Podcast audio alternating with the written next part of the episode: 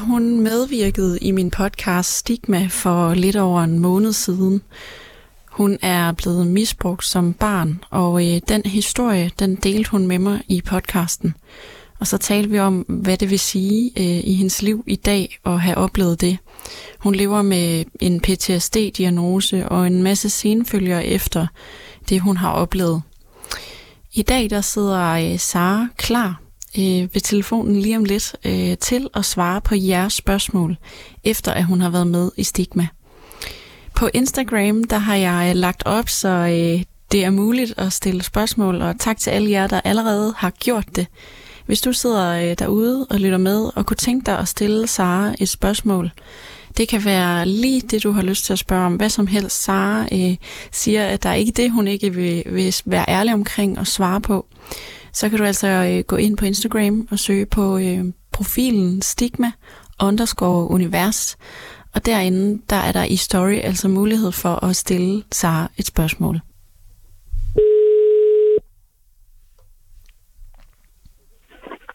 Hej. Hej Sara, det er Miriam fra 24 Hej Miriam. Ja, vi havde jo aftalt det, så du vidste godt, jeg ville ringe. Ja. godt, du Du er klar. klar. Jeg har lige Ja. fortalt uh, lytterne, at du er klar til at svare på deres spørgsmål. Ja, det er jeg bare helt klar til. Og jeg har øh, fundet Instagram frem her, hvor øh, der er blevet stillet spørgsmål i story. Og Ja. øhm, det første spørgsmål, jeg gerne vil stille dig videre, det er, øhm, har du øh, fået PTSD? Om jeg har fået PTSD? Er det, du har oplevet? Og det er jo Ja. nok fordi, at øh, du netop, når jeg tagger dig, har en profil, der hedder mor med PTSD. Ja, lige præcis. Øhm, ja, jeg har PTSD, og øhm, jeg har egentlig haft symptomerne, øh, ja, i hvert fald siden jeg var 11 år, men det er faktisk først her i 2022, hvor jeg har fået diagnosen, øhm, på trods af, at jeg har været i psykiatrien af flere omgange. Øhm, men der, der er der ikke blevet spurgt ind til, tror jeg, altså når jeg kigger tilbage øh, i forhold til de her PTSD-symptomer, fordi mange af dem har jeg haft, altså så længe jeg kan huske, altså dårlig søvn og flashbacks og undgåelsesadfærd øhm, og nogle andre ting, der ligesom definerer PTSD. Hvad er det Øhm. for nogle senfølger, du oplever? Jamen det er blandt andet øh, PTSD, og så er det øh, dissociation, øhm, det er hukommelsesbesvær og øh, koncentrationsbesvær, øh, undgåelsesadfærd, som også er en del af, af PTSD'en, øh, meget sådan træthed, og jamen, der er, altså listen er så sindssygt lang. Øh, men det er blevet heldigvis blevet bedre. Altså, jeg har arbejdet intensivt med mine senfølger her øh, de sidste to år, og øh, altså, det er et helt andet sted, jeg er i dag, heldigvis. Øh, jeg er ikke symptomfri, jeg har stadig symptomer, men jeg har fået ligesom, værktøjer til at, øh, at navigere bedre i dem. Hvor gammel er det, du er i dag? I dag der er jeg uh, 33, jeg er lige blevet 33. Ja, så det er de seneste par år, at du er begyndt at arbejde intenst med dine senfølger. Hallo? Sara, kan du høre mig? Hallo? Der er lige lidt her med... Der røg Sara lige ud. Vi prøver lige at ringe til hende igen. Hmm, ja. Jeg ringer Sara op igen. Og hun ringer måske til mig oveni. Det er spændende. Jeg har hende her. Skulle hun gerne gå igennem, når jeg ringer hende op? Hey, jeg ved ikke, det hvad der skete. Nej, hej Sara. Godt, vi kan høre dig igen. Ja, super. Hvad var det, jeg fik spurgt dig om? Jeg spurgte om, øh, at det er de seneste par år, du særligt har fået hjælp til at arbejde med det her. Ja, altså det vil jeg sige, altså jeg har egentlig, øh, jeg har egentlig fået, øh, eller været i behandling sådan over og siden jeg var 16. Øh, blandt andet i, ja, i psykiatrien i et års forløb, både da jeg var 20 og 22. Øhm, men det har mere været sådan, med henblik på den, de depressioner, jeg så blev ramt af. Øhm, jeg føler egentlig, det har været sådan lidt symptombehandling.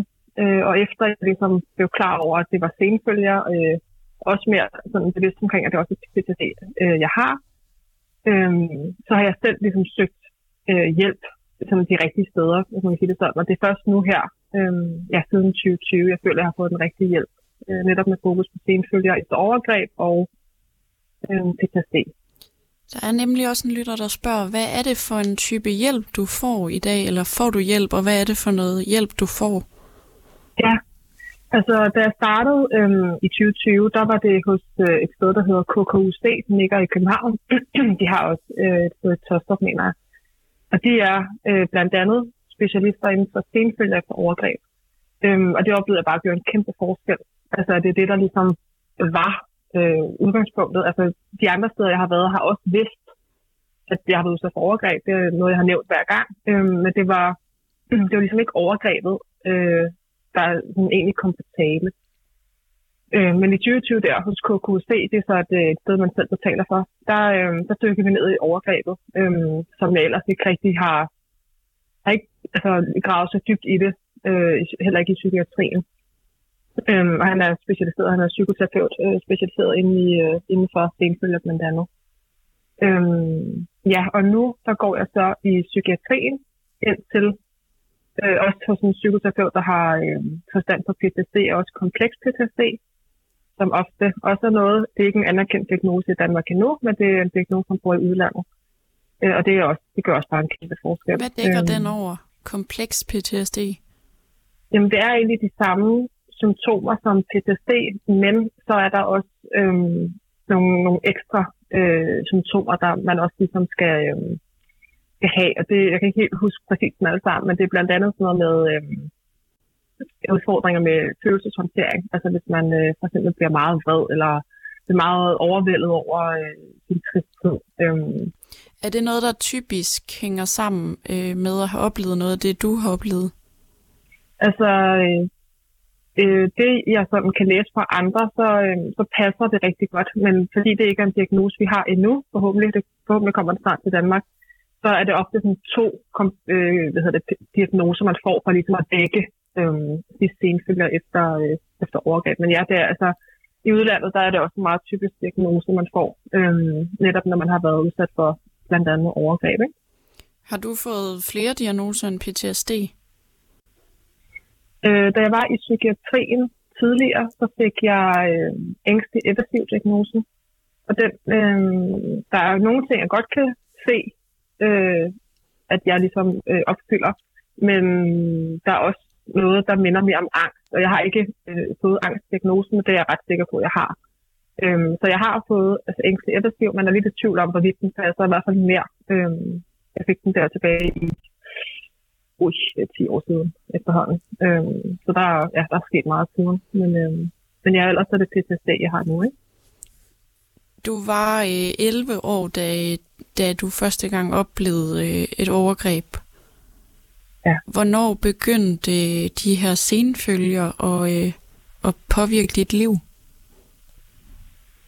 Altså, jeg tror i virkeligheden, det startede øh, efter overgrebene. Øh, jeg tror også, der har været nogle inde, fordi jeg, jeg kommer fra en dysfunktionel familie, der er også bare nogle, nogle udfordringer øh, med det. Men, øh, men efter jeg var efter overgrebene ligesom startede, så det er der, jeg kan huske, at jeg begyndte ikke at sove og holde mig vågen, og jeg havde svært ved at sove, og have kropslig uro, krop, kropslig flashback, ved jeg jo så nu det er. Øhm, så, øh, så ja, det er ligesom efter 11 år, jeg sådan, i hvert fald er sikker på, at symptomerne startede. Men øh, jeg har så også været i sådan en tilstand, hvor jeg har været helt frakoblet min krop. Øh, så mange af tingene har jeg ligesom kunne holde øh, på, på afstand eller holde nede, fordi jeg simpelthen ikke, øh, altså jeg kunne nærmest heller ikke mærke, eller jeg kunne ikke mærke før i 20'erne, at folk faktisk rørte ved mig. Øh, så disconnected har ligesom været til min krop, og det har været en overlevelsesstrategi. Øhm, men i takt med, at jeg ikke ligesom kunne kompensere for meget med for eksempel at sove, eller lade op med bare at eksistere en hel dag, som var noget, jeg faktisk har gjort ret meget øh, gennem min tid, også mens jeg studerede øh, og havde fuldtidsarbejde. Øh, men efter jeg blev mor, så er det lidt svært med, med søvn og med de der øh, egen dage. Øh, og så lige så stille, så begyndte den der facade, eller den der øh, teflondragt, den begyndte bare at krakelere. Øh, så blev jeg mere og mere plaget øh, af symptomerne. De kom ligesom frem i fuld flor, som, som de jo er, altså den styrke, de har. Øh, hvor jeg tidligere bare har været sådan nogle summende fornemmelser i kroppen, hvis jeg for eksempel har fået et, Øh... Noget af det, du også øh, netop var inde på, da vi lavede podcasten sammen, det var det her med, at du i mange år havde lukket helt ned for følelserne i din krop. Så du næsten ja. ikke kunne mærke, at nogen faktisk, hvis de ædede dig på skulderen, eller sådan, hvis nogen følte på dig. Ja. Der er en lytter, øh, jeg tænker, det er en, der også har lyttet øh, afsnittet, der netop spørger til, hvordan har du det i din krop i dag? Der er heldigvis sket en kæmpe øh, forandring i min krop. Øhm, altså det er sådan helt sindssygt. Altså tidligere har jeg ikke kunne, altså jeg ikke kunne holde ud at være i min krop. Øhm, og det blev jeg sådan rigtig bevidst omkring, da jeg var på barsel med mit første barn. Øh, fordi der er man bare meget nuet. Altså det, det kræver bare, at man er der. Mm. Og det, jeg kunne næsten ikke være i det. Altså det var så sindssygt, så kunne jeg mærke alle de der ubehagelige ting. Øhm, men i dag, der er også tak for, at jeg er gået til noget kropsterapi øh, og arbejdet lidt mere med kroppen i små doser, fordi det er stadig øh, et svært område. Øh, men altså i dag, der har jeg det, altså jeg har faktisk, jeg kan mærke ro i min krop øh, del af tiden. Øh, og det er en kæmpe forskel, at jeg hele tiden have sådan en uro. Øhm, og jeg begyndte også at kunne lide min krop, bare ligesom at være direkte sådan restødt af den faktisk. Til, øh, jeg synes, den er okay, som den er. Også med, ja, de ting, der følger med, når man har båret børn og har spist lidt for meget, som også har været en af mine overlevelsesstrategier. Men, øh, og jeg kan også holde ud, at min mand rører ved mig, jeg kan holde ud, at mine børn rører ved mig, øh, og det er en kæmpe forskel, fordi det har jeg, især med en mand, det er altså nogle gange så jeg ikke kunne lyst til at kravle ud af min, altså min, øh, min hud, øh, når, når, der har, når jeg har fået kropsberøring. Så det, øh, der er heldigvis sket rigtig meget.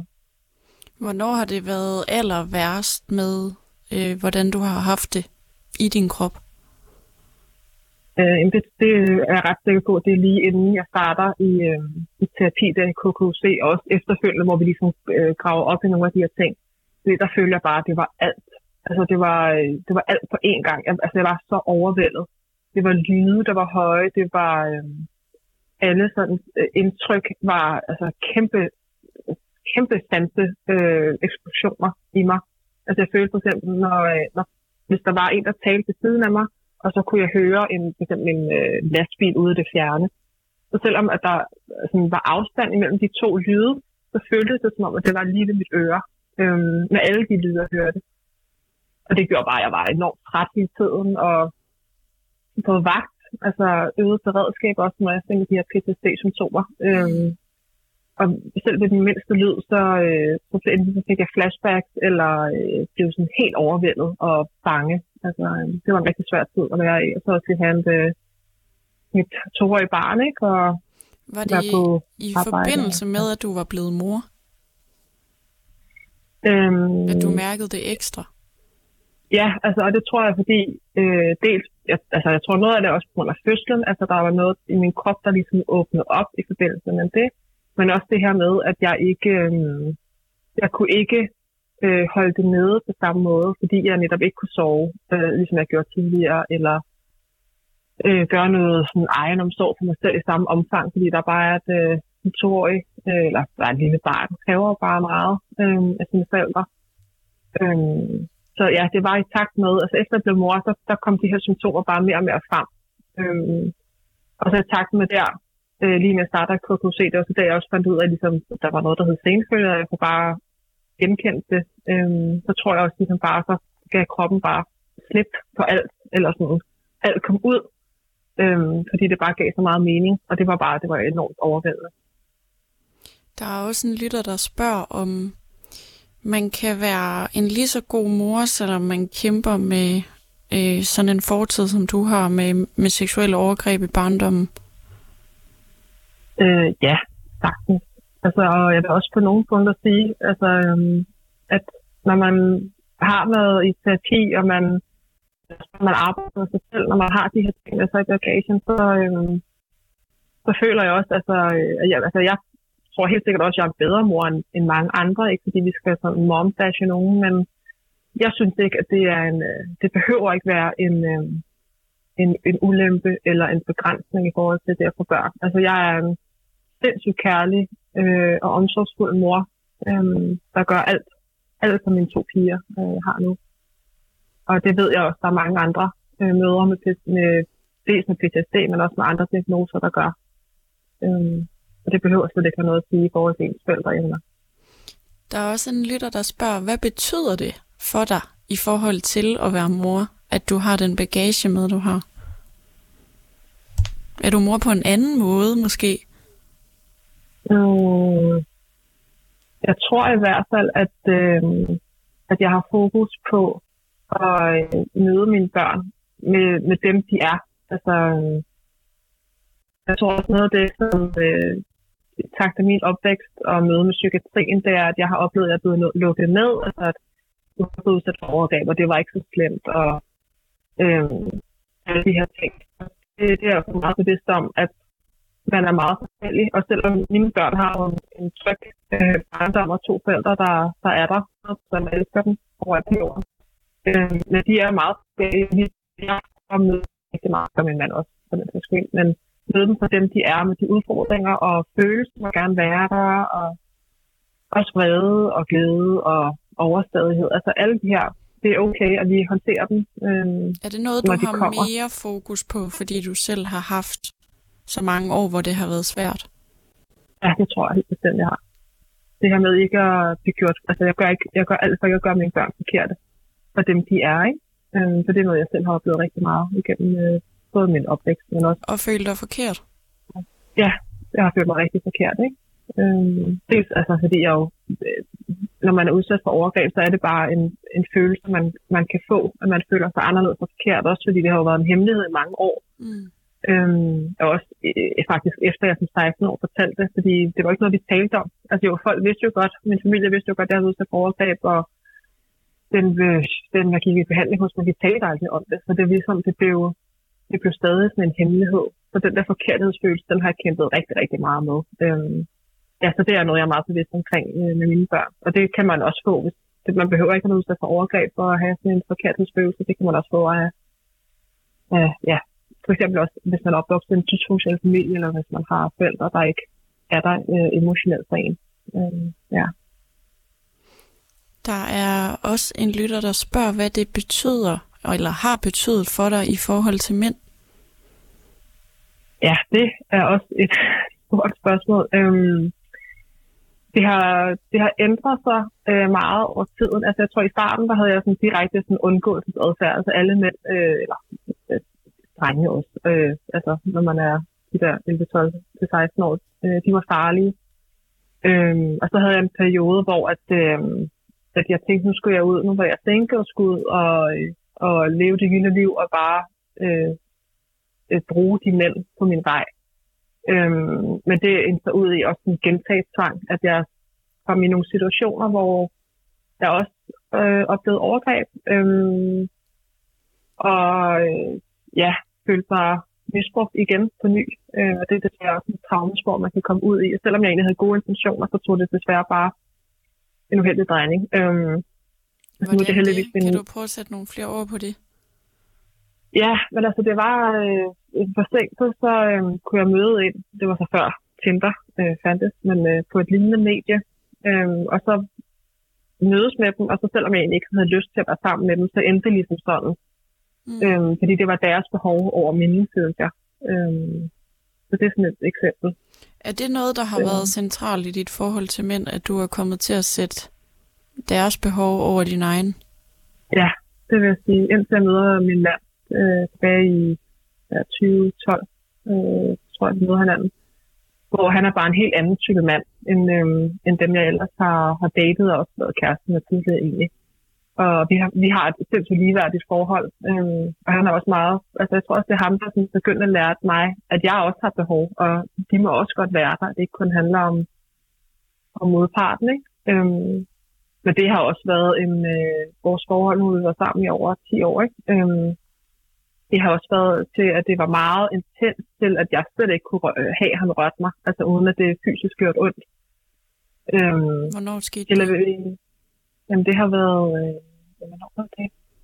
Det har måske været fem år inden, altså hvor der ligesom skete et eller andet skift, og jeg har oplevet det også i andre forhold, hvor at, øh, jeg tror, at det lige så snart det bliver trygt, så bliver min krop bange. Øh, det har hvert fald gjort tidligere, fordi den bare har levet i sådan en overlevelsestilstand i rigtig mange år, og ikke øh, har kunne tro, at det faktisk skal være øh, godt og sundt og rart. Så lige så øhm. snart du begyndte at mærke og føle, ligesom du fortalte, at din krop ligesom havde lukket ned for berøring, ja. Ja. Så, øh, så blev din krop bange? Ja, og det var virkelig det, hver gang han rørte mig, så altså, mit krop fik sådan en chok, jeg sådan for sammen, øh, eller så gjorde det sådan fysisk ondt, som om han havde nåle på fingrene, altså det var helt sindssygt. Øh, og det har vi talt meget om. Og Hvordan øh, arbejdede I så igennem det? Jamen, vi prøvede ligesom, vi prøvede os frem øh, sammen til, om, hvordan kan jeg så sidde, når jeg sidder her, når jeg ikke sidder her. Øh, hvad med, når vi så var sammen også? Hvad, hvordan skal det være? Men så fandt vi ud af, at det er mig, der skal tage initiativet, fordi ellers så kan min krop slet ikke slappe af. øhm, I hvert fald dengang. Så vi prøvede sådan, øh, prøvede en masse ting, men det var en sindssygt svær periode. Altså, fordi man, man vil jo rigtig gerne hinanden, og det er jo, det er jo forfærdeligt, at han har følt, at alt, hvad han gjorde med mig, det, var, det gjorde ondt. Ikke? Altså, jeg havde også øh, indre smerter, når vi var sammen øh, seksuelt, fordi min krop var så spændt. Øh, ja, så vi, vi prøvede alt muligt. Og ligesom at, at, det handlede om, at jeg ligesom skulle slappe af og være tryg i situationen. Ikke? Kunne du godt nyde det? Ja, det, altså det kan jeg nu. Altså, og det kunne jeg også. Øhm, der skete også noget, efter jeg fødte min første datter. Altså en eller anden en krop ligesom låste op på en eller anden måde i, i en anden grad. Men øhm, jeg vil sige, op til, at vi ligesom arbejder for den her mindre, der har jeg ikke nyt sex. Altså slet ikke. Øhm, det har, jeg tror heller ikke rigtig, jeg har været til stede i virkeligheden. Øhm, hvorfor, tror det du, mig... at, hvorfor tror du, at du har haft sex alligevel, selvom det ikke var rart? jeg tror, det, jeg, jeg tænkte, det var det, man skulle. Mm. Altså, at det var sådan, så når man første, en, øh, det, da jeg oplevede overgreb, der er det min første seksuelle debut. Og så har jeg nok tænkt, at det var sådan, det var. At det var hans behov. Altså ham, øh, ikke jeg var ikke sammen med mine forældre, men det, det, det min, øh, altså kærlighedsrelationer, at jeg, min krop var til for deres nydelse, Øhm, og mine behov, øh, og jeg kunne heller ikke mærke dem, kan man sige, øh, de betød ikke noget. Øhm, og så når man... Ja. Undskyld, jeg afbryder, fortæl færdig. Det er okay. Gerne. Øhm, så tror jeg også bare, når man er i, i der, når man begynder at blive 15, 16, 17, hvornår man starter med at være seksuelt aktiv, øhm, har de her ting med sig i bagagen, så tror jeg bare, det bliver svært at finde ud af, hvad er en sund relation, når man heller ikke rigtig har, har set det måske hjemmefra. Mm. Øhm, og måske også hænger ud med nogen, der heller ikke har sunde relationer. Ikke? Så, øhm, så tror jeg bare, det, jeg tænkte, det kunne ikke være anderledes. I dag der er jo heldigvis, øh, der kan man jo spejle sig på alle mulige måder på, det gør jeg på mig selv på Instagram, og med de relationer, jeg har nu, øh, hvor at vi har en helt anden åbenhed, og det, det gør bare en kæmpe forskel. At man lige, jeg ligesom kan finde ud af, hvad er egentlig normalt, og hvad er et traumespor, eller sådan, ja. Ja. Og du fortæller, at øh, du ikke havde lyst. Øh, hvornår mærkede du første gang, at du havde lyst? Altså, jeg har haft lyst, øh, ligesom nogle, nogle gange, eller sådan, jeg har godt kunne mærke lyst, men lige så snart vi så kom i gang, så blev det farligt, og så lukkede min krop ligesom ned, endnu mere ned, ikke? Øh, den var i forvejen, og netop gjorde ondt spændt op, så jeg fik øh, altså indre smerter, øh, hvor jeg ikke kunne, min hud blev sådan hypersensitiv, og det også gjorde ondt at blive rørt. Øh, eller at man bare lukkede helt ned, så jeg ikke kunne mærke noget som helst. Så, øh, så ja, altså det, jeg har mærket lyst. Jeg har også godt kunne mærke øh, dejlige ting. Men det, vil sige, indtil altså, mig og min mand som sagt, er begyndt at arbejde med det, så har det været, altså, mine måske nede i 1-2, måske maks 5 procent af tiden. Ellers så har det været øh, ligegyldigt, eller sådan, noget, jeg gjorde for den anden. Ikke? Er det noget, du arbejder med, eller får professionel hjælp til at arbejde med i dag? Øhm, ja, altså mig og min mand har som sagt, vi snakker rigtig meget om, der undersøger rigtig meget, øhm, men det er også, det har også ligesom været et samtale-tema i terapien, mm. dog ikke, øhm, der, jeg, jeg oplever, at der er mange terapeuter, der synes, det er svært, øhm, ligesom med, med det seksuelle, og, øhm, og jeg har tænkt, at jeg ligesom ville gå til en seksolog og prøve, altså der er også en, der har erfaring med øh, seksuelle overgreb, dem kender, dem er der heldigvis også nogle stykker af.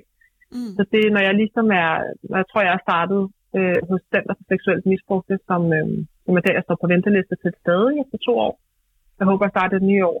Så når jeg ligesom er kommet igennem det, så tænker jeg, at det er den vej, jeg skal, for ligesom at få låst endnu mere op på kroppen, og også skulle have den del øhm, med sig, fordi jeg har ikke opgivet det. Altså, øh, og det er rart og dejligt nu med min mand. Øh, men der er også nogle begrænsninger stadig. Ja.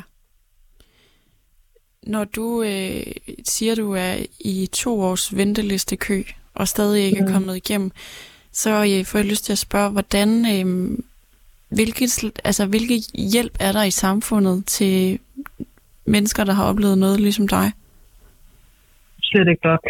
Altså, slet, slet ikke nok. Øhm, altså, jeg startede så hos KKC, øhm, som har gjort en kæmpe forskel, fordi jeg, jeg vidste bare, at jeg kunne ikke vente de der et til to år, øhm, før jeg, jeg kunne få hjælp. Altså, fordi jeg havde det så dårligt på det tidspunkt. Og jeg ved, der, der er mange, der søger privathjælp. Jeg ved også, der er nogen, der får det så dårligt, at de ender med at blive indlagt, altså, øhm, eller må komme ind med andre symptomer i psykiatrien. Mm. Øhm, fordi der er ikke nok fokus på det her, og der er ikke tidlig nok hjælp. Altså, øhm, altså, hvis man tænker på, når man brækker et ben, hvis man så skulle vente to år for at få det øh, fikset, altså hvor mange stenfølger eller hvor mange yderligere komplikationer, der vil komme af det. Ikke? Så det er helt hen i vejret, at der ikke er hjælp før. Altså, det er der, det, det er helt vanvittigt. Hvordan fandt du i første omgang et sted, du kunne henvende dig til? Jamen, altså det var egentlig, øh, jeg googlede stenfølger, altså jeg, jeg tror, jeg brugte en hel nat på at google og læse om alt, hvad der var, og så var det egentlig ret specielt, at jeg søgte på KQC. Øhm, og så stødte jeg også på Landsforeningen Spor, som er sådan en brugerorganisation. Den kendte heller ikke noget til øh, for, øh, for voksne, der har oplevet øh, seksuelle overgreb i barndom og ungdom. Og de har også en masse, de har blandt andet en Facebook-gruppe, man kan, en hemmelig Facebook-gruppe, man kan være medlem af, som også har givet mig sindssygt meget. Øh, og de deler en masse artikler, og de gør alt muligt for os, der har øh, været udsat for stenfølger. Så der fandt jeg også rigtig meget spejling. De tilbyder så ikke terapi, øh, men de har sådan en øh, gratis øh, og anonym rådgiverlinje, man også kan ringe til. Øh, Hvad betyder det, det her med at spare med andre, der har oplevet noget af det samme? Det er så vigtigt.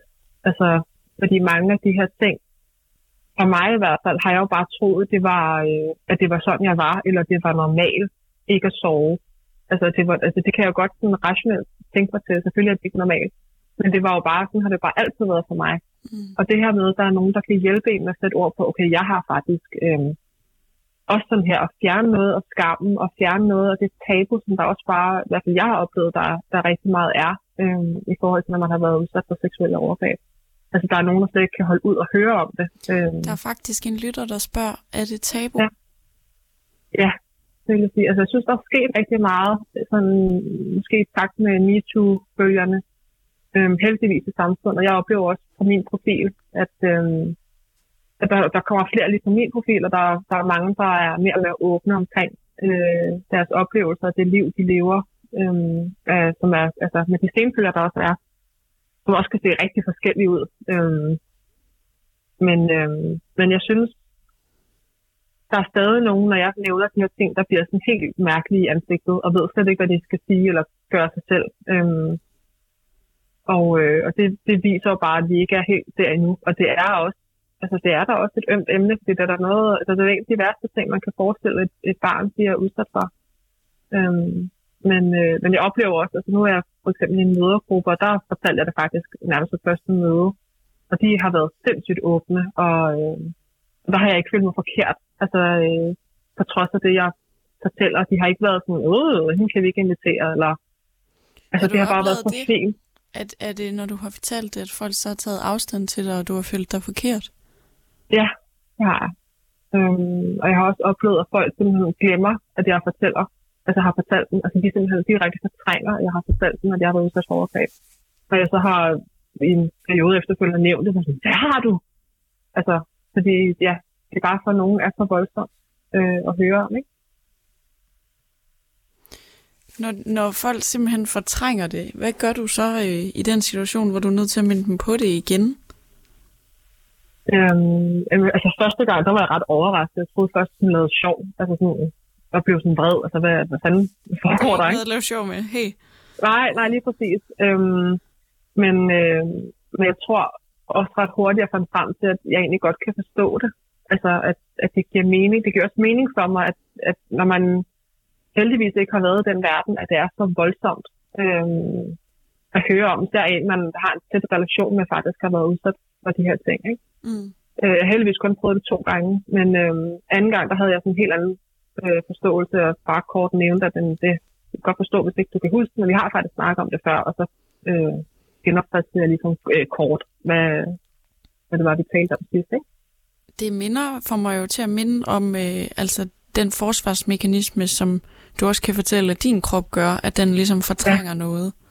Ja, en eller anden form for dissociation eller ja, fortrængning, og det sker der jo også ret meget. Altså, øh, størstedelen, der bliver udsat for overgreb, de fortrænger simpelthen helt, øh, og så dukker det først op senere hen, øh, hvor jeg har helt altid kunne huske mine overgreb, men det er, øh, det er en mindre procentdel, øh, der oplever det. Størstedelen oplever faktisk at fortrænge det, ikke? fordi det er så voldsomt. Altså er der i virkeligheden flere, tror du, i vores samfund, der har oplevet nogle af de her ting, end vi sådan ved og taler om, og end der får ja. hjælp til det? Det tror jeg helt bestemt. Altså dels nogen, der, der ikke er bevidste om det endnu, og så nogen, der måske godt ved det, men ikke øh, kan være med det. Altså der gik jo også øh, sådan, sådan, lang tid før jeg rigtigt snakkede om min, øh, min stenfølge og min overgreb. Jeg har jo også været en del af den procent øh, sat. Øhm, og i Danmark så siger man, at det er 10 procent, der har været udsat for overgreb i barndom og ungdom, men i udlandet, øh, der arbejder man med 20 procent. Så der er helt sikkert et kæmpe mørketal, øh, mm. også i Danmark. Ja. Hvad kan vi som samfund øh, gøre for, at folk tør sige det højt og række ud efter hjælp?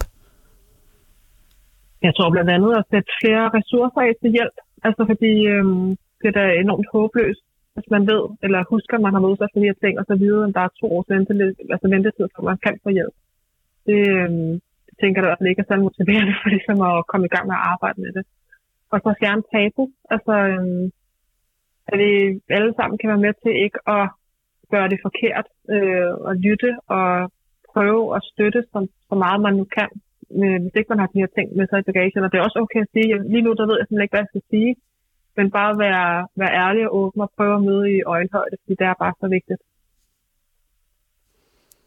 Hvad er det næste, der skal ske i din proces, helt personligt? I dit arbejde med det, du har oplevet? Ja, øhm, men næste step er CSM, altså Center for Seksuel Misbrug, som jeg forhåbentlig kommer til i starten af det nye år. Jeg står nummer to på listen, øh, har jeg hørt. Øhm, og det håber jeg, det har jeg hørt øh, lidt blandet oplevelse med, men jeg har også hørt, at der er rigtig mange, der har fået rigtig meget gavn af det. Øh, og jeg skal i noget gruppeterapi og netop sidde og spejle mig i andre og give spejling til andre. Det tror jeg kan give rigtig meget. Øhm, og så ellers så har jeg også planer om at starte som øh, recovery mentor i det nye år, hvor jeg simpelthen kan være med til at, at spejle andre, øhm, som måske står på venteliste til CSM, eller som ikke tør at tage det skridt, fordi det er også et stort skridt at, at ringe til sådan en institution og fortælle, hvad man er udsat for, hvis man aldrig for eksempel har, øh, har fortalt nogen om det før. Øhm, så det, øh, det er jeg ret fast besluttet på, at jeg gerne vil øh, hjælpe andre øh, med de redskaber, jeg har, har med mig i dag. Hvad er det, der får ja. en til at holde det hemmeligt? Øh, jeg tror rigtig meget, det er skam. Og så den måde, man er blevet mødt på. Øh, og så tror jeg også noget af det, at det her med, er det egentlig sket? Altså jeg har jo også, da jeg fortalte om mine overgreb, der øh, var det første, min familie sagde, det var, at jamen, er det ikke noget, du har drømt? Øh, og så lukke det ned. Altså det, det var ikke ligesom sket i, øh, vi kunne slet ikke rumme, at det var sket. Øh, og det er også noget, jeg har taget med mig videre med, er det overhovedet sket? Altså det har jeg virkelig arbejdet meget med. Øh, fordi det, ja, det kan bare være det, man bliver, man bliver mødt af. Også i, altså jeg har også i psykiatrien for at vide, at hvor jeg efterspurgte en, øhm, en incestgruppe, øh, hvor jeg fik øh, afvisning og sagde, altså, sagde direkte til mig, at mit, øh, min overgreb var ikke slemme nok i forhold til de grupper, de havde. Øhm, så på den måde, det var så tilbage i 2012. Øhm, så der, der tænkte jeg også, altså, at øhm, så er det nok ikke slemt. Og det, jeg tænker bestemt ikke, at jeg er enig øh, med den oplevelse, at altså, man bliver mødt med, at det ikke er slemt nok, eller Nå, kan du ikke bare lige glemme det? Det er også noget, jeg har hørt mange gange. Ikke? Og det er jo ikke noget, der for, altså, giver en lyst til ligesom, at tale, tale om det, hvis man bliver gjort forkert. Hvad er det, der har givet dig styrken til at tale højt om det, som du gør, både i din egen podcast og for eksempel i radioen lige nu her hos mig? Øhm, jamen, jeg tror, noget af det er det her med, at, at, øhm, at jeg ved, hvor meget spejling kan gøre for en. Altså, øhm, det har jeg jo også selv oplevet, blandt andet på ja, min Instagram og dem, der har skrevet til mig i forbindelse med min podcast. Øhm, også i forbindelse med, med de her, det her afsnit, øh, som jeg har lavet hos jer. Og det, altså, det giver bare så meget. Det er, jeg tror bare, jeg tror spejling er så vigtigt for ens helingsrejse. Øhm, så det er, det er en af grundene. Og så vil jeg også rigtig gerne give, øh, give håb derude. Altså, fordi for to år siden der, eller ja, slutningen af 2020, hvor jeg stod med alt det her, hvor det bare, altså mine, mine stingspiller, de bare eksploderede, der troede jeg ikke, altså jeg troede aldrig, at det kunne blive bedre. Øhm, men, men det kan, altså det kan godt blive bedre. Man kan godt have et godt liv, selv med de, øh, med de ting, man har været udsat for. Øhm, ja, så det er også bare vigtigt for mig at fortælle. Altså det, jeg har ikke kommet sovende til det. Altså det har været et kæmpe arbejde, men, øhm, men det kan lade sig gøre at få et godt liv. Er det det, du vil sige til lytterne derude? Eller er der noget, du har på hjertet her til sidst? Øhm, jamen jeg tror, som jeg også har sluttet af med at sige i øh, podcast-afsnitten, at det er ikke det er ikke dig, der er noget galt med. Og hvis du føler dig forkert, så er det fordi, du oplever noget forkert. Mm. Øhm, og det kan godt være svært til at tro på, men, øhm, men overgreb, det er så forkert, og det er aldrig, det er aldrig, aldrig, aldrig dit skyld. Sara Louise, tusind tak, fordi du havde lyst til at øh, medvirke igen øh, i Stigma. Det var bestemt så let. Og øh, fortsat god søndag til dig. Tak, og lige måde mere, og til alle jer, der lytter med. hej hej. Hej. Tusind tak til jer, der stillede øh, spørgsmål til Sara Louise, der tidligere har været med i Stigma og fortalt om, at hun har oplevet seksuelle overgreb øh, og krænkelser i barndommen. Jeg nåede øh, ikke alle jeres spørgsmål, men forsøgte at komme om de fleste. Og så er det vigtigt at huske, at øh, hvis du har oplevet øh, seksuelle overgreb eller seksuelle krænkelser i din barndom, eller du kender nogen, der har, så er der hjælp at få. Øh, du kan blandt andet kontakte organisationen Kvisten, eller Center for Seksuelt Misbrugte, eller Landsforeningen Spor, eller Foreningen Liva, alle de øh, foreninger giver øh, tilbyder gratis rådgivning.